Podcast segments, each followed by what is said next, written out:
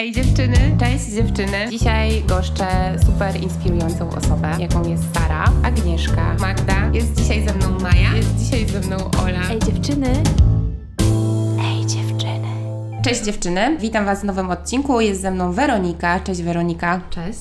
I dzisiaj będziemy rozmawiać o wegetarianizmie, weganizmie, o tym dlaczego warto jeść roślinnie i Część z Was może kojarzyć, kojarzyć profil Roślinie Jemy, który współtworzy Weronika, ale zanim przejdziemy do tego tematu i zanim ci, którzy, których ten temat bardzo interesuje, będą mieli z tego pożywkę, no to najpierw przejdziemy przez moje standardowe pytanie do mojego gościa, czyli e, Weroniko, czym zajmowałaś się zanim zaczęłaś zajmować się wegetarianizmem. To tak, zależy jak daleko mamy sięgnąć do przyszłości. Do studiów, bo poznałyśmy do się na, studi- na studiach i bardzo mnie ciekawi, jak to się stało, że z filologii polskiej e, rozdawały się tak. To droga chyba, wydaje mi się, że zaczęłaby się od tego, że mm, tak, studiowałyśmy filologię polską wspólnie i ja w trakcie studiów też działałam w CDN-ie, w gazecie studenckiej CDN e, i bardziej, bliżej zawsze mi było do dziennikarstwa, mhm. do marketingu, e, PR-u i różnych takich tematów. E, filologia polska dlatego, bo chciałam nauczyć się dobrze pisać. Mm, I też czasami rozmawiać z ludźmi. E, no i tak w międzyczasie zainteresowałam się też tematem praw zwierząt. Dołączyłam jako wolontariuszka do otwartych klatek, tutaj do grupy w Gdańsku. Mm, I starałam się też e, w tej gazecie studenckiej takie tematy przemycać. Właśnie to też były dwa moje flagowe tematy. Mhm. Jednym był hip-hop i jakieś tam właśnie wywiady z raperami, a drugim były prawa zwierząt, jakieś reportaże dotyczące... dotyczące Kurczę, ale jaka skrajność w ogóle. E, no skrajność, nie skrajność. Właśnie mhm. Mm, Jakoś od początku miałam tak, że czerpałam bardzo dużo z obu tych tematów. One mi jakoś tak oba dodawały motywacji, siły mm, też do e, walczenia z jakimiś tam prywatnymi e, kolejami losu. Do tego też pewnie kiedyś przejdziemy, ale właśnie tak mi się kojarzy, że, że właśnie jak e, jak pierwszy raz się dowiedziałam, w sumie zrozumiałam też, że, że jakoś tam mam, mam cięższą chorobę, to się zamykałam w pokoju chwilę jeszcze w domu rodzinnym i słuchałam mhm. sobie płyt rapowych w kółko, po prostu katowałam wszystko to samo, już moi rodzice nie mogli wytrzymać, ale jakoś tak pamiętam, że wtedy w ogóle nic mnie nie interesowało, tylko, e, tylko ta muzyka, a później mhm. jeszcze znalazłam właśnie te ten temat praw zwierząt i w sumie bardzo dobrze się czułam z tym, że jakby miałam taki moment, gdzie przestałam się czuć mocno potrzebna, e, bo już w drużynie siatkarskiej mm -hmm. nie byłam potrzebna, nie do końca miałam inne skille wcześniej. E, bo, bo też grałaś w siatkę tak, wcześniej. Tak, tak, mm -hmm. tak, tak. Grałam e, no już profesjonalnie w siatkówkę. przestałam grać przez kontuzję, choro slash mm -hmm. chorobę, bo to trudno w sumie powiedzieć.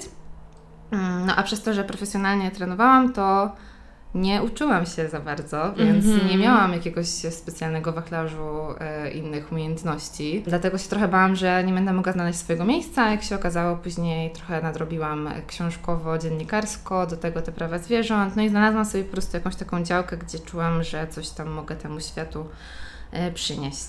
Mm -hmm. mm, A tak. powiedz, czy mm, hip-hop i walka o, mm, walkę o prawa zwierząt coś może łączyć?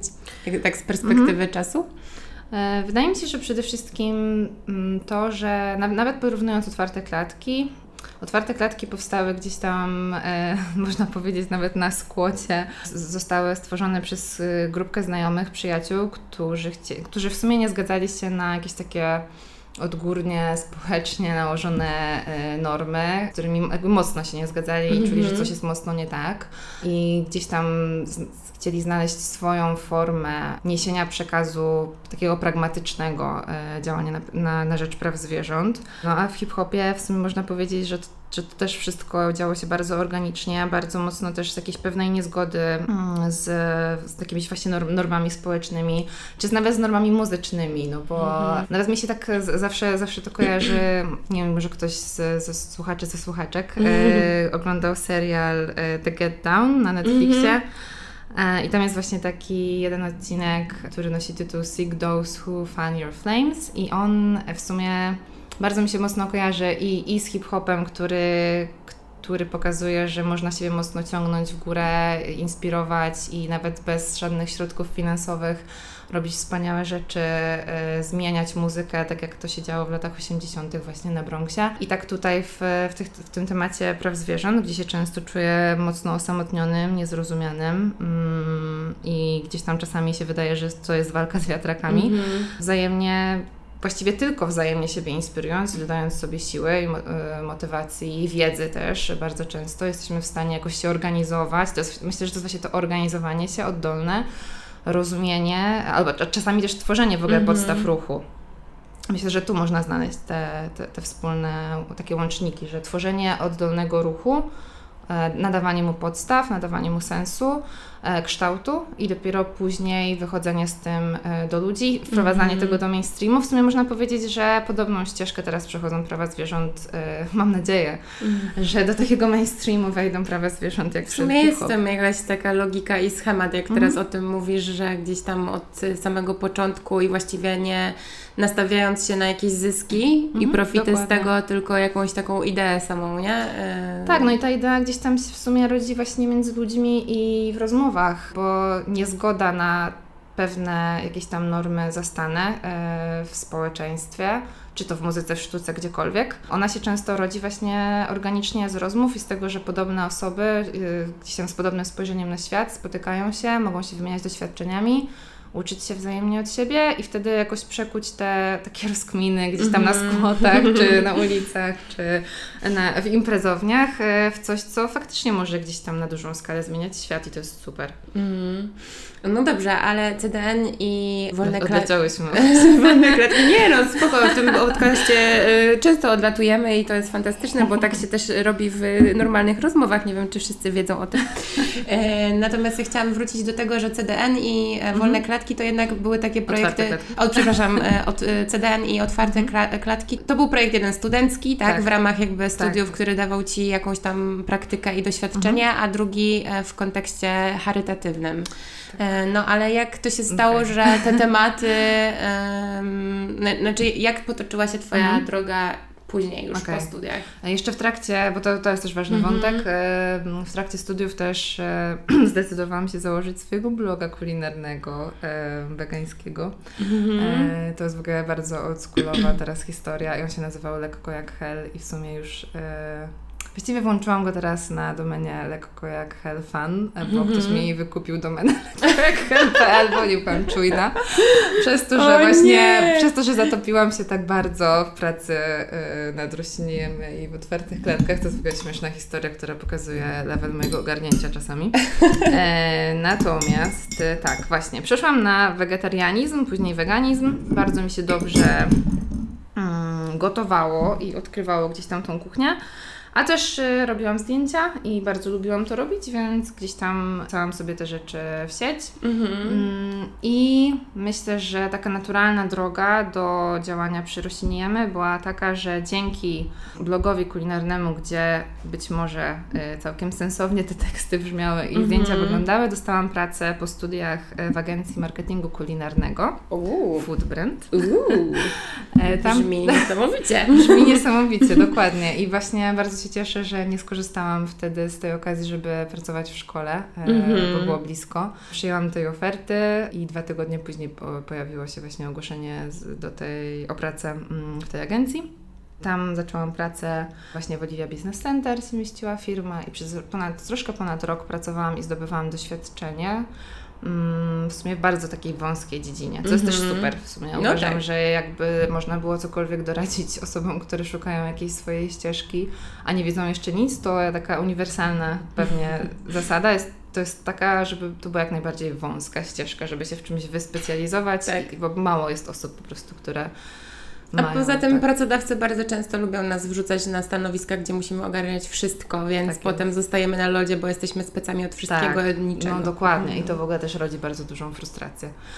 Um, no i tak, w międzyczasie cały czas działałam w tych otwartych klatkach i tam robiłam e, rzeczy różne. E, od e, jakichś takich akcji streetworkowych, mm, przez Jasną Stronę Mocy, kampanię, której, do której pewnie też dojdziemy dzisiaj. I tam funkcjonowała też w otwartych klatkach wtedy kampania Roślinijemy i pojawiła się możliwość zatrudnienia Mhm. w tej kampanii, co nie jest w sumie rzeczą jakąś szczególnie popularną w e, stowarzyszeniach, organizacjach, e, takich NGO-sach, e, etat, Mhm. możliwość pracy na etat, więc tam była możliwość tego zatrudnienia. Ja złożyłam swoje CV, jakby będąc wolontariuszką organizacji, i wyszło tak, że akurat w tamtym momencie na, na, e, na tamte warunki byłam kandydatką, jak się okazało, dobrą. Zostałam przyjęta, no i do dzisiaj w sumie, teraz trzy lata mijają, odkąd pracuję przy Rośliniemy, nad Rośliniemy. Jakoś tak też miałam, miałam wielką przyjemność e, zmieniać, rozwijać e, na, na taką dużą skalę ten projekt. No i w sumie największa wdzięczność na świecie jest za to, że właśnie mogę pracować na etat dla zwierząt i to jeszcze w takiej organizacji. Mhm. No ale e, Weronika, jakby zajmowanie się kuchnią i to Mhm. jeszcze wegańską, no nie jest myślę rzeczą, którą można sobie zrobić tak od tak. Mhm. E, Myślę, że wielu ludzi w ogóle przeraża ten temat. Inni go kochają i jakby już się oswoili z tym, żeby Mhm. nie jeść mięsa e, codziennie, tylko może tam raz na jakiś czas. Natomiast e, jak to się zaczęło, bo jeszcze wtedy jak Ty zaczynałaś, no to mm, no nie było takiego hypu na, na weganizm i na wegetarianizm. Nie było tylu knajp, jak na przykład Mhm. teraz mamy w Gdańsku. E, Więc ciekawi mnie w ogóle, jak wyglądała ta droga z tym tematem od samego początku. Mhm. Ja miałam w ogóle jedno podejście już do wegetarianizmu w liceum, które się zakończyło fiaskiem, bo Mhm. właśnie zrobiłam bardzo taki, no, uczniowski błąd e, i wykluczyłam mięso i ryby z swojej diety i nie włączyłam absolutnie nic w zamian. Czyli jak w domu wszyscy jedli tam, nie wiem, kurczaka, surówkę i ziemniaki, to jadłam tylko surówkę i ziemniaki. Więc e, absolutnie no, ta dieta była wtedy niedoborowa i czułam się słabo, Mhm. e, więc zrezygnowałam też. E, no moi rodzice, w ogóle nikt nie był wtedy świadomy w sumie, jak do tego za bardzo podejść. E, Ale Ty to zrobiłaś świadomie, bo na przykład właśnie już były bliskie Ci prawa zwierząt? Wtedy, czy... wtedy to była taka czysta em- empatia. W sumie Mhm. jakby nadal, nadal myślę, że to jest e, priorytet dla mnie, ten, ten Mhm. aspekt taki empatia wobec zwierząt. Natomiast wtedy chyba jeszcze byłam taka mocno zagubiona, w sensie wiedziałam, Mhm. że wiedziałam, że coś tam mi nie pasuje, że jest mi szkoda zwierząt i tak dalej, e, ale na pewno nie byłam na tyle dojrzała, żeby sobie zrobić porządny research i podejść do sprawy na poważnie, na tyle poważnie, na ile Mhm. teraz bym chciała, żeby to wtedy się wydarzyło. I wróciłam do tematu jeszcze raz e, podczas studiów, e, na początku studiów.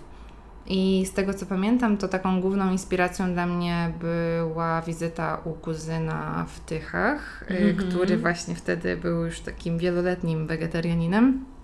Mm, I który po prostu przekonał mnie w sumie, jakby ten aspekt e, etyczny już miałam gdzieś tam z tyłu głowy, a on mnie przekonał dobrym jedzeniem i takim bardzo intuicyjnym gotowaniem, takim Mhm. na takiej, na naprawdę, na pełnym luzie w ogóle ym, i, i pokazał mi, że z, z tego, co wtedy, a wtedy jeszcze też nie mieliśmy Mhm. takiego w sumie y, szerokiego wyboru tych produktów roślinnych, że da się na takim dużym freestylu robić pyszne roślinne dania i, i jakoś w ogóle się nie przejmować tym specjalnie, nie mieć, nie wydawać za dużo pieniędzy, Mhm. nie spędzać nad tym nie wiadomo ile czasu.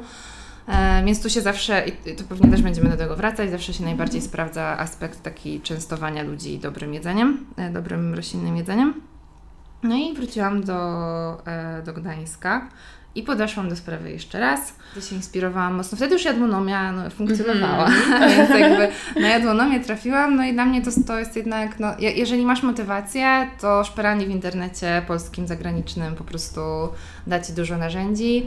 E, No nie ukrywam, że na pewno też jakieś takie podstawy mm, typu gotowanie w domu. Jeżeli u Ciebie w Mhm. domu się gotowało, u mnie w domu się gotowało i u mnie świetnie i mama i dziadek gotowali i zawsze gdzieś tam podpatrywałam, pomagałam i miałam takie podstawy gotowania, czyli wiedziałam jakby co, co zrobić, e, na co wymienić i tak sobie gdzieś tam też no, bawiłam się tą kuchnią. Ale to też jest e, taki freestyle, który nie zawsze gości w każdym domu polskim, No mm, bo, bo to jest też ta domena, moim zdaniem, kuchni, bym powiedziała, zrób coś z niczego, e, którą Mhm. uskuteczniały nasze babcie i mamy, żeby nic się nie zmarnowało w Mhm. lodówce, więc wtedy jest dużo łatwiej, a wiele osób jest wychowane na przepisach i jeżeli czegoś zabraknie jednego składnika, to już kurczę, nic się nie da z tym zrobić, nie? No tak, cieszę się, że odchodzimy od tego i że właśnie może te, te ruchy takie zero waste'owe teraz, które Mm. są popularne, nas uczą bardzo mocno tego, żeby właśnie robić e, rzeczy z tego, co znajdziemy. E, Mhm. dania z tego, co znajdziemy w lodówce, w szafce i czy, czy z czegoś, co jest przecenione akurat gdzieś tam w Mhm. zieleniaku, w markecie i tak dalej. Em, no i co? No i też w sumie jak Właściwie to teraz jak z Tobą rozmawiam, sobie przypominam w ogóle bardzo dużo wątków, bo tam przecież też były zajęcia z panią doktor Moniką Żółkoś o prawach zwierząt. Mhm. To była też przecież rzecz, która w ogóle bardzo mocno na mnie wpłynęła. Ja teraz dopiero sobie przypomniałam, w ogóle taki flashback, że ja po licencjacie y, napisałam maila do pani doktor z podziękowaniami, że to mnie w sumie bardzo, bardzo umocniło w, w tej decyzji um, o przejściu na, na dietę roślinną, ale takim przejściu właśnie z tym pełnym zaangażowaniem, z tym Mhm. blogowaniem, z tworzeniem przepisów i pisaniem o tym. E, wtedy też w ogóle się e, jakoś tak wkręciłam do magazynu Slowly Veggie przez Kasię Gubałę e, i tam też pisałam teksty jakieś takie, robiłam reportaże a propos kuchni roślinnej, więc myślę, że tych bodźców było dużo. Były otwarte klatki, był ten kuzyn, była pani doktor e, i zajęcia właśnie związane w ogóle z jakby z podstawą, e, w ogóle z czymś takim jak prawa zwierząt, e, Mhm. teorią praw zwierząt, no bo nigdy wcześniej tak naprawdę, no nie wiem, ze mną nikt nie rozmawiał w szkole No o tak. prawach zwierząt. E, więc, więc nie miałam okazji gdzieś tam otworzyć sobie tych szufladek w głowie. Mm, No i tak jakoś się spodobało się, zostałam przy tym. No i bardzo się cieszę, że, że przy tym zostałam. No dobra, mm, ale też e, wspomniałaś o e, aspekcie zdrowotnym. Mhm. Czy to było coś, co było też zapalnikiem, czy to pojawiło się w trakcie już Twojej zajawki na kuchnię wegańską? E, To, pojawiło, to było, pojawiło się w trakcie i to też było w sumie takim umocnieniem tej decyzji, no bo właśnie tak jak mówiłam, w tym w liceum miałam pierwsze podejście, a w liceum też zaczęłam, mm, tak wcześniej właśnie jak mówiłyśmy, wyczynowo grałam w siatkówkę. E, Plan był taki, że miałam zostać siatkarką i się niczym nie przejmować i zarabiać na siatkówce i w ogóle tak, to nie I udało w się. połowie liceum wiedziałam, że albo mam poważną kontuzję, albo poważnie zachorowałam. W takim sensie, Mhm. że miałam po prostu przeraźliwe bóle kręgosłupa. E, wtedy myślałam, że kręgosłupa, e, okolic kręgosłupa. No i tak szukałam diagnozy bardzo, bardzo długo. Ale u lekarzy czy sama? Nie, nie, u lekarzy oczywiście, u lekarzy i u neurologów, e, ortopedów e, i wszędzie. Zresztą moja mama pracuje w służbie zdrowia, więc bardzo zawsze poważnie podchodziła do sprawy. No i szukałyśmy razem i jeździłyśmy po, po całej Polsce w sumie, bo już na jakimś tam etapie, etapie pamiętam, że mm, jeden z neurologów powiedział, że raczej jestem symulantką, bo on jakby w ogóle nie widzi nic na tych wynikach, a ja Mhm. miałam tak potworny ból, że w momencie gdzieś tam uderzenia w te plecy, mm, tak pięścią, nie, to, był, to był jego jakiś tam, Mhm. jakaś technika na to, żeby sprawdzić, co jest i czy coś jest. To pamiętam, że padłam na kolana i tylko byłam w stanie płakać i nie wiedziałam zupełnie, co się ze mną dzieje. Mm. Mhm. Szukałyśmy, szukałyśmy. No i w sumie nic nie było wiadomo nadal. Um, później jakąś tam mm, nietrafioną diagnozę przepukliny krążków międzykręgowych i na pierwszym roku studiów właśnie, pamiętam jak mieszkałam w Gdyni, byłam w takim stanie, to było po pierwszym em, semestrze. Byłam w, pamiętam taki dzień, jak, jak, no jak dzisiaj, że szłam sobie na SK, szłam sobie, w sensie próbowałam dojść na SKMK e, w Gdyni i w połowie drogi zupełnie nie mogłam już postawić nogi do przodu i stanęłam, Mhm. pamiętam, na moście Gdyni i zaczęłam po prostu tak strasznie płakać i zupełnie nie, jakby nie miałam już kontroli nad tymi właśnie, teraz już e, wiem, że stawami. Mm, No i wtedy jakby moja mama stwierdziła, że ostatnia, ostatnia deska ratunku, według niej, bo to w ogóle jakby jest pielęgniarka położna, więc ona no, jakby, no, nie mogę od niej wymagać, że będzie miała wiedzę na, na temat e, schorzeń kręgosłupa. Stwierdziła, że reumatolog. Mhm. E, że może spróbujemy jeszcze u reumatologa, chociaż no, reum, reumatologia się nie kojarzy e, w ogóle z młodymi osobami. Tak. Mm. No i poszłyśmy i okazało się, dostałam tam skierowanie na, na najprostszy rentgen. Wcześniej miałam mnóstwo jakichś tam rezonansów za bardzo duże No pieniądze, wiadomo. z których nic nie wynikało i tutaj był pierwszy w historii e, mój rentgen stawu krzyżowo-biodrowego zrobiony, pamiętam dokładnie, za 32 zł, którego wcześniej nikt mi nie zlecił. Mhm. I okazało się, że przez te dwa, e, dwa i pół roku rozwijało mi się zapalenie stawów krzyżowo-biodrowych, które już wtedy, jakby jak dostałam wynik tego zdjęcia, miałam e, na stopień, stopień trzeci na cztery. Mhm. Mm, A jak, e, w tych chorobach reumatoidalnych te zmiany się nie cofają już nigdy. Mhm. E, później jest bardzo długa historia, na, na, którą w ogóle tutaj nie mamy czasu. Natomiast okazało się, że e, ostatecznie mm, po długich, długich jeszcze tam później walkach okazało się, że jest to zesztywniające zapalenie stawów e, kręgosłupa, czyli choroba, jedna z takich chorób autoimmunologicznych, reumatoidalnych, gdzie mm, dobrze się sprawdzają diety roślinne na mhm. wykluczenie mięsa z diety. Też jest jakaś taka gama produktów, które wzmacniają organizm w takich chorobach, e, takie przeciwzapalne. No ja też mocno się wtedy wkręciłam w, te, w ten temat i, i, temat takiej zdrowszej diety roślinnej. W sumie też to mi dało jakąś taką dodatkową motywację do tego, że jak już wiem, co mi jest mm-hmm. y, i że jeszcze wiem, że dodatkowo to się składa na to, co gdzieś tam równolegle sobie budowałam w tej głowie, no to to mi dało takiego dodatkowego kopa y, i motywację do tego, żeby się jeszcze bardziej wkręcić w ten temat. Mm, no i dzisiaj też w sumie myślę, że to jest jedna z takich składowych, które mi pozwoliły jakoś tam nie, nie zwariować y, po drodze i faktycznie trudno mi na pewno mówić, że gdzieś tam przez dietę roślinną mi się wyniki poprawiły, bo bardzo mm. jestem daleka od też, y, nie wiem, polecania ludziom, żeby leczyć się dietą tylko mm. i mhm. wyłącznie ale w połączeniu u mnie z lekami e, to daje teraz myślę, że bardzo, bardzo dobry efekt i teraz czuję się, no nie wiem, o niebo 90% lepiej niż się czułam na pierwszym roku studiów, a trochę czasu mm. już mhm. minęło. Mm, więc, więc myślę, że to też może być e, fajne wspomaganie. I też pamiętam, że jak leżałam e, kilka razy na różnych oddziałach reumatologicznych, to się zdarzało, że na tych oddziałach wisiały właśnie takie plakaty, które pokazywały pacjentom, co mogą jeszcze dla siebie zrobić. Tam mm -hmm. oczywiście poza tym, że nie wiem, nie, mm, nie palić papierosów i ruszać się w miarę możliwości oczywiście, bo to nie zawsze jest możliwe, ale gdzieś tam mm, jest wskazane ten, tak, w jakimś ten, tak, zakresie. ten ruch mhm. uprawiać, no to właśnie zrezygnować albo przynajmniej ograniczyć y, ilość spożywanego mięsa. To jest w ogóle mm. super, że, to, że o tym się mówi, nie?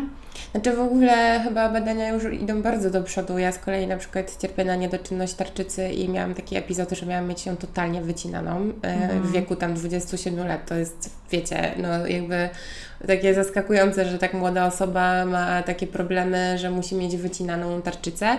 I pamiętam, że zawsze przez e, też e, swoje problemy z wagą, no to e, nie, ja nie jadłam nigdy węglowodanów, kasz, ziemniaków, mhm. takich rzeczy, bo zawsze było mówione, że od tego się tyje, trzeba jeść dużo białka i, tak. i mięsa, bo to najlepiej, wtedy schodzi waga, lecimy. No i e, przyszedł taki moment właśnie, gdzie miałam mieć tą wycinaną e, tarczycę i moja lekarz powiedziała, że no dobra, daję Pani ostatnią szansę, takie trzy mhm. miesiące i zobaczymy, co się zadzieje, jak nie, no to skieruję Panią na, na zabieg. No i ja stwierdziłam, że dobra, bo ja tak nigdy nie przypadałam za tym mięsem, a jadłam je, no bo tak się naczytałam w tych mhm. wszystkich portalach o dietach. no i mówię, dobra, to ja może jednak zacznę jeść dużo kaszy, warzyw, zobaczymy co będzie. I przez trzy miesiące, odrzucając mięso, głównie kurze, bo nie przypadałam mhm. za wieprzowiną, mhm. wołowiny nie umiałam robić, e, jadłam dużo kasz, warzyw, odrzuciłam wędliny, które też bardzo lubiłam. E, I okazało się, że moje wyniki były książkowe i ona, moja lekarz była w szoku i chyba przez godzinę mnie maglowała, co się zmieniło i powiedziała no, mi, że to jest jedyna rzecz, która się zmieniła. Wiecie, no nie mam potwierdzenia, że to jest jakby efekt mm. tego, ale do dzisiaj e, o wiele lepiej się czuję nie mm. jedząc na przykład mięsa, e, tak często jak go jadłam, bo nie jest też tak, że go w ogóle nie jem, mm, ale e, jadłam je no średnio pięć razy w tygodniu. A teraz jest raczej tak, że jem głównie wegetariańskie e, potrawy mm. i raz na, nie wiem, miesiąc zdarzy mi się zjeść mięso albo nawet e, ten. I uważam, że każdy powinien e, dbać o swoje ciało, a co mnie zaskakuje w Twojej historii, tak sobie pomyślałam po drodze, że Chciałam Ci zadać to pytanie, ono jest abstrakcyjne oczywiście, że y, Twoje ciało tak jakby trochę czuło, gdzie może ta droga tak przygotowywała do tego, że Twoja taka zajawka tą roślinną dietą i jeszcze to zdarzenie, ja wiem, że to może nie Ciekawe jest, ten, jest no. ale że gdzieś tam, y, wiesz, dla osób, które nagle dostają taką informację, że mm. chorują na taką chorobę i ich życie i dieta do tej pory składała się, nie wiem, głównie z jakichś takich właśnie mięsnych potraw, no to też e, przejście na wegetarianizm, no to jest czymś czasami abstrakcyjnym, nie? To znaczy wiesz, też tutaj trzeba powiedzieć od razu szczerze, że z tego co przynajmniej rozmawiam z, z lekarzami często, no to ogromna mniejszość pacjentów w ogóle decyduje się przejść na taką dietę, mm -hmm. co jest też mhm. bardzo dziwne, że nie znajdują w sobie jakiejś motywacji do tego, żeby o siebie zadbać, bardziej chociaż spróbować. Mhm. Jakoś nadal gdzieś tam z tyłu głowy jest to przeświadczenie, że taka, szczególnie wśród starszych osób, że taka dieta właśnie ziemniaki, mięso, surówka, czy tam wędlina na kanapce, to jest, to jest właśnie nasza dieta Mhm. polska, na- najlepsza jaka może być i szkoda, wielka Mhm. szkoda. A to a, a propos tego, co Ty mówisz właśnie e, o tym, że się tak dużo lepiej czułaś, to myślę, że to jest też super, że mm, wykluczając mięso z diety, automatycznie, przynajmniej na tym e, dojrzałym etapie, już że nie mówię, że w tym liceum, ale już myślę, że tam 20 plus na pewno, e, to jesteśmy w stanie jakoś tam odkrywać naprawdę bogactwo takich składników, których na pewno byśmy nie odkryli, gdybyśmy przy tym mięsie zostali, Tak. a przynajmniej jeżeli Mhm. nie w takim stopniu albo nie tak szybko. No i dla mnie to też było super w ogóle, nie wiem, odkrywanie tych wszystkich soczewic, ciecierzyc, tak, tahin, tak. I nagle, na przykład nagle się okazuje, że uwielbiasz kaszę kuskus albo kaszę jaglaną. Ja I w, w ogóle jesz kaszę. Tak, ja wcześniej na przykład znałam tylko kaszę gryczaną, którą się dodawało do gulaszu w domu od czasu do się czasu. kręciło nosem najczęściej. Tak, no a teraz się okazało, że to jest jedna z pyszniejszych kasz, jaka jest. Czy soczewica czerwona, Tak. cieciorka, fasola. No i w ogóle też to potrafi być bardzo intuicyjne wtedy. Mhm. Nie, nie wiem, dla mnie w ogóle kuchnia roślinna jest absolutnie prosta i, i właśnie taka bardzo w ogóle ciesząca, w takim sensie, że możesz mieć jakieś podstawowe składniki w kuchni zawsze gotowe, suche składniki właśnie typu soczewica i mając jakiekolwiek warzywa, akurat nie wiem, sezonowe, czy takie, które były w dobrej cenie, tak jak Mhm. wcześniej mówiłam, bo ja tak trochę teraz gotuję, no to nie wiem, kroisz warzywa, wrzucasz je do garnka, zalewasz wodą, Tak. wrzucasz e, soczewicę i masz jakby zupę tak, taką pełnowartościową właśnie z białkiem, z błonnikiem, z, z różnymi warzywami. E, i, jakby to się robi samo właściwie. Przyprawiasz tak, jak, tak, przyprawiasz mhm. tak jak lubisz i jesteś zawsze w stanie sobie przygotować coś zdrowego, nie? I to jest ekstra.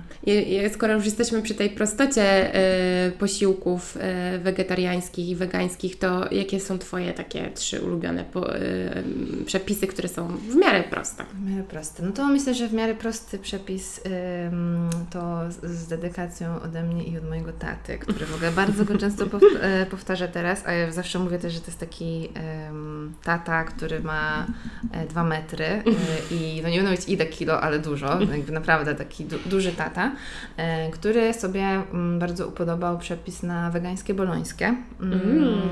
i robi je po prostu z wędzonego tofu które kruszymy, wrzucamy na patelnię. No, dosłownie robimy to tak, jak z mielonym mięsem. E, wydaje mi się, że jest w sumie szybciej. Nie wiem, bo bardzo wiele lat nie robiłam Mhm.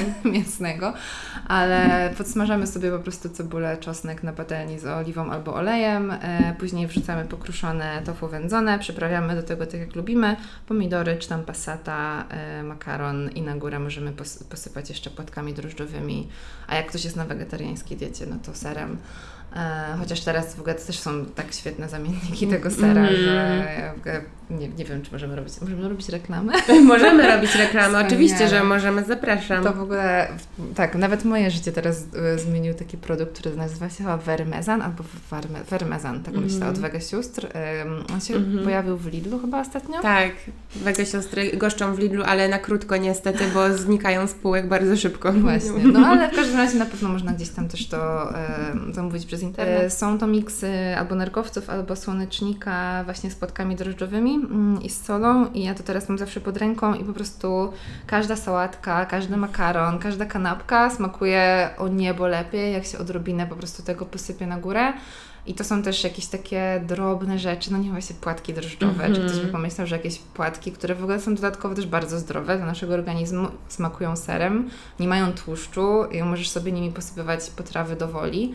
E, no na, na pewno bym tego nie odkryła, gdyby nie to, że wykluczyłam te produkty od zwierzęce i to jest ekstra. I się Mhm. znowu zapętliłam, to był jeden przepis. Nie, spoko, lecimy z drugim przepisem, Drugi plus. przepis, myślę. No to znowu bę- będę makaroniarą to będzie drugie, e, drugie spaghetti ale carbonara i tutaj też i znowu kurczę, matematycznie, ale faktycznie bardzo polecam wędzone tofu, szczególnie właśnie dla osób, które są nieprzekonane i żeby nie zaczynamy od naturalnego Tak, tofu. tak, zgadzam się z tym w 100%. Jestem tym y, chodzącym przykładem, że lepiej zacząć od wędzonego. Tak, więc kupujemy sobie kostkę wędzonego tofu, znowu cebulka, czosnek i jakąś sojową śmietankę albo w ogóle roślinną śmietankę, jakąkolwiek. Teraz też są już coraz bardziej dostępne. e, w różnych marketach i po, podsmażamy. Cebulka, czosnek, bardzo drobno pokrojone wędzone tofu w kosteczkę. Dodajemy sos sojowy, smażymy, smażymy, smażymy. Dodajemy do tego śmietankę i do Mm. tego najlepiej, żeby jeszcze, żeby dodać, jest, jest to przepyszne, ale żeby dodać jeszcze jakieś tam wartości e, odżywczej, żeby nie było, że, Mhm. że, tak, że tak tuściutko tylko, no to warto sobie, mm, to taki tip w ogóle dla osób, które nie za bardzo przypadają za mm, natką pietruszki, żeby ją bardzo drobno posiekać i wmieszać ją w makaron ugotowany, Mhm. mm, gdzieś tam, żeby to się połączyło i dopiero później dodać na to sos, tak mocno, nie czystej pietruszki, a to jest takie du- dużo bardziej odświeżające mm, i lekkie danie wtedy. I trzecie danie, to myślę, że może pójdźmy teraz e, w kierunku bigosu. Uuu, podoba mi się to, no. E, no szczególnie, To takie że... tradycyjne danie bardzo. Tak, no. szczególnie, że jednak, kurczę, no jesteśmy wszyscy przywiązani do, do bigosu, bądźmy szczerzy. Są takie, nie wiem czy wiesz, ale są takie rejony polskie, gdzie bigos e, podaje się na samym końcu i to znaczy, że jest koniec imprezy. No to to jest taki bigos, którym można każdą imprezę zakończyć z czystym Okej. sumieniem. To dajesz, lecimy. No to tak, wiadomo. Znaczy w ogóle y, też bym podkreśliła, że pod, podstawy są naprawdę takie same, więc Mhm. jakby robimy wszystko praktycznie tak samo, jak w kuchni, nazwijmy ją tradycyjną. E, ale taki bigos wegański możemy zrobić z, na pewno z dodatkiem dużej ilości y, grzybów i to fajnie tam dodać też suszone mm, albo świeże grzyby leśne Em, i boczniaki. E, boczniaki świetnie smakują i też w sumie jakoś tak przybierają strukturę mięsa mm, po uduszeniu w tym samym, w tym soku bi- bigo, bigosowym. Tego możemy dodać albo też znowu monotematycznie wędzone tofu, albo na przykład kostkę sojową, e, która też jest w ogóle bardzo, bardzo tania i którą warto mieć zawsze w szafkach kuchennych i robić z niej gulasze, zupy, właśnie bigosy, wszelkie różne takie polskie Mhm. dania mięsne. Em, warto dodać odrobinę wódki, to nie, nie wiem, czy jakby każdy, U, no właśnie, nie to, też, nie, też długo tego nie wiedziałam i to No. też się dowiedziałam właśnie od Marty y, z Jadłonomii, że to jest dobry tip i faktycznie jest, jest dobry. A co robi ta wódka? Redukuje, czy ona jakby...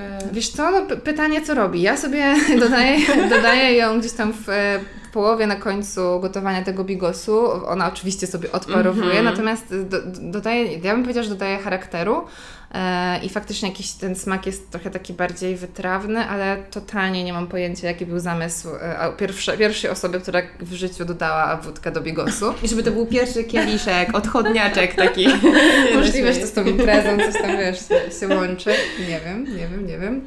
Koncentrat pomidorowy, wiadomo, dużo liści labrowych, yy, ziela angielskiego, to co zawsze. E, dusimy, dusimy.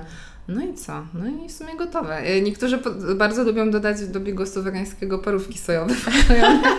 Natomiast to już jest taki Okej. comfort food, taki wiesz, no Mhm. wiesz. E, Pozdrawiam w tym miejscu mojego e, serdecznego kolegę Kubę, którego popisowym daniem wegańskim jest wegańska sojowa parówka zawinięta w tortillę pszenną. Ja to szanuję. Ja to szanuję, myślę, że to może być super przekąska, e, szybka, taka Totalnie. zamiennik e, chleba i pasty, kt- od której też się można uzależnić, e, będąc na diecie wegańskiej. E, Weronika, a powiedz mi, e, czy kuchnia wegańska, wegetariańska jest faktycznie tak droga, jak często ludzie piszą? Mm, Myślę, że to się zmienia z dnia na dzień. E, To znaczy, w ogóle rozróżniłabym mm, dwa kierunki e, Mhm. tutaj. Jeżeli gotujemy sobie dużo w domu, albo w ogóle gotujemy w domu, bo też są takie osoby, które bardzo rzadko jedzą na mieście, czy tam, nie wiem, bazują na gotowych produktach, czy półproduktach, to według mnie ona jest ewidentnie tańsza i ja to widzę mocno teraz w pandemii, jak bardzo potrafię zaoszczędzić pieniądze y, dzięki tej diecie, bo głównie też gotuję sama. Jeżeli chodzi o taką dietę, żeby sobie wychodzić na miasto, czy bazować właśnie na produktach kupionych e, w To markecie, kilka- to mhm. powiedziałabym, że no jakby trudno, trzeba przyznać, jest, jest drogo. E, Mhm. Teraz to się bardzo, bardzo zmienia. Nawet teraz te produkty, które pojawiają się w żabce, mm, Część już się pojawiła, część się pojawi wkrótce, 28 z tego co pamiętam. E, Pojawi się też burger taki gotowy, wegański. Mhm. Pojawiają się batoniki, jogurty, majonezy właśnie w tych samych cenach, które w tych samych, może czasami są to trochę niższe, czasami są to trochę wyższe ceny, więc mniej więcej ta średnia zostaje zachowana. Myślę, że są już bardzo konkurencyjne względem, e, względem tych tradycyjnych produktów. E, natomiast jeżeli sobie znajdziemy gdzieś tam taki e, chęć w sobie, żeby nauczyć się podstaw właśnie, tak jak tutaj już trochę rozmawiałyśmy o tym gotowania roślinnego, to może to być bardzo, bardzo, bardzo intuicyjne i bardzo, bardzo oszczędne. I tutaj warto pewnie polecić kilka jakichś tam źródeł mm, inspiracji. Mm, no to pierwsza pewnie to by była książka, ta najnowsza właśnie Jadłonomia po polsku, która jest bardzo lokalna, ym, polska i taka bazująca na tanich, dostępnych, łatwo dostępnych składnikach. E, profil na Instagramie Biedanizm, jeżeli mm. ktoś nie zna, to, to też bardzo polecam. I my też mamy taką serię na roślinijemy, tanio i roślinijemy i tam są też y, z takim food costem podane tanie przepisy które warto sobie wyczarować. Mhm. Bo ja też, e, jak tak rozmawiamy o tej e, kuchni e, wegańskiej, tak przeszła mi przez myśl, moja babcia pochodzi z Kresów, właściwie tam z mhm. granicy Ukrainy. No i tam, no niestety, wojna dosyć znamienne piętno odbiła w postaci tego, że jednak na mięso mogły sobie pozwolić bardziej zamożne tak. osoby. E, I tak sobie myślę, że ona ma 95 lat i naprawdę jest bardzo zdrową osobą i mm, zawsze się śmieję, że bierze dużo tabletek, ale to są głównie witaminy. Mhm. I ostatnio tak pomyślałyśmy z moją mamą, że nasza babcia jest po prostu wegetarianką. Ona jak widzi mięso, to się krzywi, generalnie nie przepada za mięsem. I ta kuchnia jest mocno nastawiona na ziemniaki, na kaszę, może na warzywa takie bogate, jakie my teraz mamy mm. i mhm. znamy, to niekoniecznie. Właśnie bardziej sezonowość, że jak coś pojawiało się w ogródku, to pojawiało się na talerzu. Ale skąd jest to takie upodobanie do mięsa wśród Polaków według Ciebie? No, wydaje mi się, że to wynika z czasów e, PRL-u i właśnie mm z tego, mhm. że mięso było czymś, do czego się wtedy e, aspirowało i to był symbol bogactwa. I w momencie, kiedy mięso było na kartki i było czymś bardzo luksusowym, no to było takie jakieś oczekiwanie na ten moment, kiedy to będzie łatwo dostępne i będzie można sobie odbić te czasy, mm. usiąść przy stole i spróbować każdego mięsa, jakiego tylko mo można, jakie można sobie wymarzyć. Kiedy tak już się stało, e, kiedy te produkty stały się łatwo dostępne w sklepach, no to faktycznie gdzieś tam e, trochę zatraciliśmy umiar. Um, I myślę, że to właśnie to, to trochę o czym mówisz, że kiedyś mało kto mógł sobie po pozwolić na mięso, a w momencie, kiedy ono stało się tak tanie i tak łatwo dostępne, że każdy ma je na wyciągnięcie ręki, no to niestety chwilami pewnie nadal ono jest aspiracyjne mm -hmm. po mhm. prostu i jest jakimś symbolem mm, bogactwa, mm, dobrobytu, mm, jakiejś tam pozycji społecznej, no bo kto chciałby mieć stół zastawiony kaszą, warzywami i tak dalej. No z jednej strony no niby tak, ale z drugiej strony patrząc na kolory Instagrama i jakby też e, taki hype, który urósł wokół bycia e, na diecie wegetariańskiej, wegańskiej, nie jedzeniu mięsa, mm. patrząc na te kolorowe talerze przepełnione w ogóle jakimiś warzywami, którego nigdy nikt z nas mm. nie mhm. widział na oczy albo nie zna po prostu no to jakby też mam takie czasami poczucie, że kurczę, żeby zapełnić sobie tak kolorowo ten talerz, mm. jak czasami nawet dostajemy w restauracjach mm. wegańskich,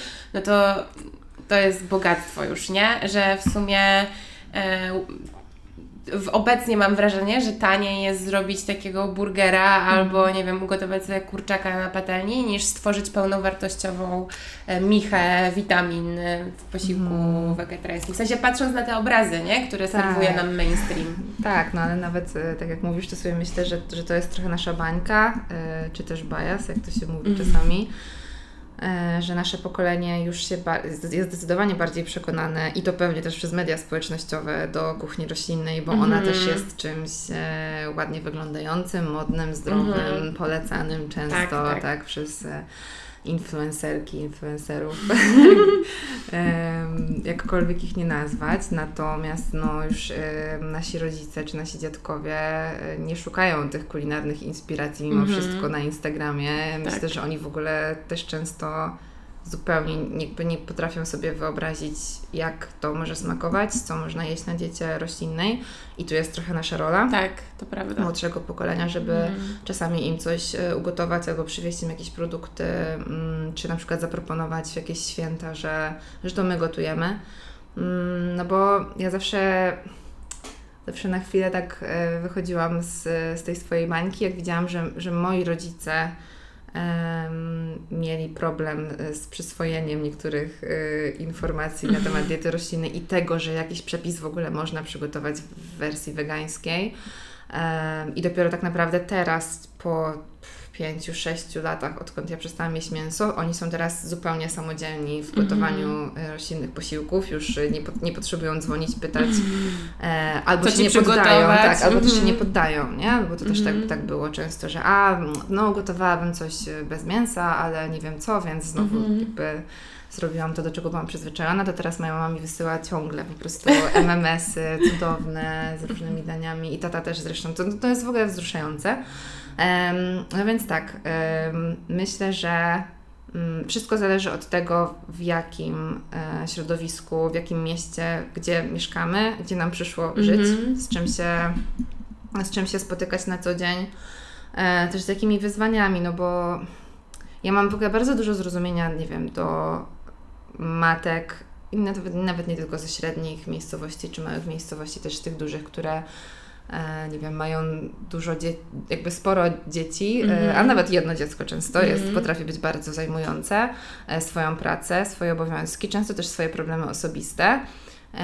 No i jakby w tej piramidzie potrzeb najpierw gdzieś tam musimy mm, zapewnić te podstawowe, bezpieczeństwo, mm. opiekę nad, nie wiem, nad dziećmi i tak dalej, a dopiero gdzieś tam później daleko na ostatnim planie jest urozmaicanie sobie posiłków albo mm. na przykład mhm. myślenie o tym, czy to, co ja kładę na talerzu przyczynia się mm. do zmian klimatycznych i tak dalej. Jakby mhm. bardzo bym chciała, żeby wszyscy mogli sobie pozwolić na taką refleksję.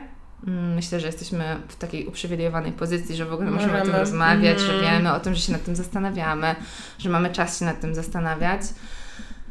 I siłę też tak, i cierpliwość. Dokładnie. Myślę sobie, że po prostu współcześnie nadal, ym, no przykro to mówić, ale w naszym kraju też jest sporo jeszcze do zrobienia na różnych levelach, żebyśmy oczekiwali od, od wszystkich ludzi właśnie takiej głębokiej refleksji. Dlatego bardzo mi się podoba ten kierunek, który ostatnio obrała, obrała promo, taka ogólna promocja diety roślinnej mm, w takim polskim stylu, w lokalnym stylu i właśnie w takim wychodze, z takim wychodzeniem e, do ludzi i mówieniem im, że to może być coś polskiego, tradycyjnego, mm -hmm. prostego, coś, coś, co znamy. Właśnie to, o czym też mówiłaś. E, bigos może być Bigos, tak. ale, ale wiesz, na przykład no. ja, ja mam takie poczucie, że to właśnie to nasze babcie bardziej ma, mają zamiłowanie do, nie wiem, do białej polskiej fasoli jaś niż, niż my, Kurczę, czy, czy znasz piechotę? Bo jest takie danie, które, bo ja w ogóle, moi rodzice pochodzą z Bieszcza i My na przykład zupełnie mamy inne potrawy na stole w Wigilię niż wszyscy inni tutaj z Trójmiasta, mm. bo my mamy bardzo mało ryb, ale mamy bardzo dużo właśnie jakichś takich kapuściano, grzyb, grzybnych rzeczy i jest taka ulubiona moja potrawa, po której trzeba niestety odpiąć guzik ze spodni, um, bo to jest kapusta z grochem, która się mhm. nazywa piechotą mm. y, i to się tak przyrządza bardzo długo, ona musi tam gotować z tym grochem, że aż się robi taką ciapką mm. i to się je po prostu z chlebem i to jest jest najpyszniejsza rzecz na świecie i w ogóle połowa moich znajomych tego nie zna, tak samo jak nie znają gołąbków e, z ziemniakami tartymi. E, no to u mnie na przykład Wigilię i w ogóle jakby w domu raczej się je gołąbki z ziemniakami mm, niż, e, niż z ryżem czy tam mięsem i ziemniakami obok. No i ja zawsze byłam taka zdziwiona, bo jak... Mm, jak właśnie y, zastanawiałam się skąd w sumie u mojej mamy też te, takie zamiłowanie do mięsa w pewnym momencie w kuchni, w której nam, nam serwowała, skoro jakby wyrosła w domu, w którym było mhm. mało tego mięsa. Mhm. I właśnie myślę, że to jest to, co Ty mówiłaś, czyli mhm. to takie echo trochę PRL-u i tego, że można było sobie na to pozwolić. Plus też myślę, że... Mm, przez, y, no po, po jakby y, PRL-u i po osiągnięciu wolności trochę chcieliśmy nadążyć za, za zachodami, A, się nachłapać i gdzieś tam każdy z nas y, chciał przyrządzać te wszystkie bolognese, potrawy włoskie, hiszpańskie, które też są obfite na przykład w mięso, nie? Tak, no w ogóle ta era smażonych kurczaków e, i tych wszystkich fast tak, foodów tak, tak. i no zresztą same przecież obie i tak myślę, że ogromna większość osób, które nie jedzą teraz mięsa jakby były w tej fazie mm. e, właśnie jedzenia smażonego kurczaka i, tak. i absolutnie nie, jakby nie widzieliśmy w tym nic złego i też jakby jestem bardzo daleko od tego, żeby uważać, że ci wszyscy ludzie, którzy nie wiem, jedzą czy jedli mięso, mieli jakieś złe, złe intencje, czy nie wiem, czy są złymi ludźmi i tak dalej, absolutnie nie tylko po prostu czasami potrzebujemy jakichś bodźców, e, żeby dostrzec niektóre rzeczy. Mm, myślę sobie też, że no taka przykra prawda e, jest taka, że mało kto ma dostęp do tego, żeby zobaczyć, jak wygląda system hodowli przemysłowej. Mm-hmm. To nie tylko w Polsce, jakby w ogóle. Mm, no bardzo producentom bardzo zależy, żebyśmy widzieli tylko produkt końcowy i takie bardzo pozytywne reklamy, gdzie też widzimy obraz tych szczęśliwych zwierząt. I myślę, że wiele osób po prostu nie ma okazji, a też samodzielnie nie szuka, być może często z takich względów, o których wcześniej też rozmawiałyśmy. Mm, I dopóki nie będzie miało okazji się z tym zmierzyć i się nad tym zastanowić, to po prostu no niewiele się będzie zmieniało, nie? Dlatego mm. też e, my zdecydowaliśmy w którymś momencie właśnie w Rośliniemy, że mm, dobry kierunek jest taki, żeby współpracować z producentami żywności, z dużymi sieciami restauracji, mm, marketów itd., tak żeby ułatwiać jak najbardziej, urozmaicać ten wybór i, i sprawiać, że mm, te produkty będą tak samo łatwo dostępne, mm -hmm. tak samo pyszne, że, że po prostu będą jakąś taką realną alternatywą i dotrzemy poprzez smak. Um, no, bo też to jest bardzo złożona kwestia w sumie, jak ludzie reagują na, na te mm, obrazy związane z prawami zwierząt. Nie? Mhm. Niektórzy się blokują, y, czują się oceniani no właśnie, a powiedz mi, mm, tak się wtrącę w mhm. Twoją wypowiedź, y, jak podchodzisz do mm, mm, sytuacji, w której duże korporacje mięsne, które mogą niektórzy mieć mhm. teraz w głowie, wypuszczają wegańskie kabanosy na przykład. Bardzo się z tego cieszę. Y, jestem wzruszona totalnie tym. Wiem, że to jest y, chwilami niepopularna opinia i pewnie gdybyś mnie zapytała 5 lat temu, co o tym myślę, no dobra, może 6 lat temu, co o tym myślę, to bym tutaj wojowała, że w ogóle jak tak można mm -hmm. kupować od nich i wspierać e, biznes, który zarabia na mm, właśnie na hodowli przemysłowej zwierząt i tak dalej. Dzisiaj już ma, e, jakby mam jakiś tam bagaż doświadczeń też zawodowych, który mi wskazuje, że taka pragmatyczna droga do teraz uwaga, takie szum, szumnie nazwane weganizacji świata, e, czy po prostu jakby diety roślinnej jako czegoś bardzo dostępnego i łatwego jest no, w dużej mierze poprzez te wielkie korporacje, które mają budżet na to, żeby ich linia technologiczna była bardzo szybko i dobrze przystosowana do tego, żeby te produkty były smaczne, która jako no, jedna z niewielu na start może sprawić, żeby te produkty były bardzo przystępne cenowo, mm-hmm. e, która najczęściej w marketach ma najlepsze półki dla swoich mm-hmm. produktów, bo stać je na to, więc one będą bardziej widoczne. E, no nawet teraz przykład tych kabanosów, o których mówisz, jest, jest totalnie trudno teraz znaleźć gdziekolwiek, bo wszędzie zostały wyprzedane. Mm, I myślę sobie, że bez tych wielkich firm mm, nie dotrzemy do mainstreamu. E, no i też przede wszystkim e, myślę, że bardziej trzeba się nastawiać na to, że te produkty to będzie też urozmaicenie dla e, osób, które kupują we, niewegańskie produkty tej firmy.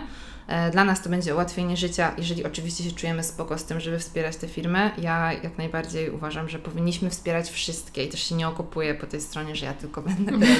Wiadomo, jakby staram się mhm. wszystkie, ale staram się też podejść do tego na chłodno, y, nie, niezbyt emocjonalnie. I to jest bardzo trudne, żeby tutaj y, jakoś tak, wiesz, y, podsumować sobie plusy i minusy i, i zdecydować, czy będę wspierać, czy nie będę. Mm, ale wszystkim polecam w sumie jakoś tak się zanurzyć bardziej w temacie efektywnego altruizmu mm, i, i tego, jak jesteśmy w stanie i czy jesteśmy w ogóle w stanie zmieniać świat. No i myślę, że tutaj taki efektywny altruizm by nam podpowiedział że tak, że, no, że, że warto. warto. Weronika, zawsze na koniec odcinka proszę e, swojego gościa czy gościnię o to, żeby powiedział coś do słuchaczek i słuchaczy. Okej, okay, to ej dziewczyny i chłopaki, e, to ja bym powiedziała Wam, że jeżeli jeszcze nie jesteście na diecie roślinnej, a chcielibyście spróbować, to mm, przede wszystkim myślę, że każdy krok jest ważny i każda zmiana jest spoko. E, nie zniechęcajcie się, mm, nie, nie musi to być zawsze od razu 100%, małe kroki są ok i jeżeli chcecie kogoś jeszcze przekonać do diety roślinnej, co jest ekstra i polecam to robić, to najlepiej róbcie to serwując pyszne wegańskie jedzenie, a mniej wysyłając filmy z rzeźni. Dzięki Weronika za tę super pouczającą rozmowę. Dziękuję bardzo. bardzo. Bardzo mi było miło. Dzięki.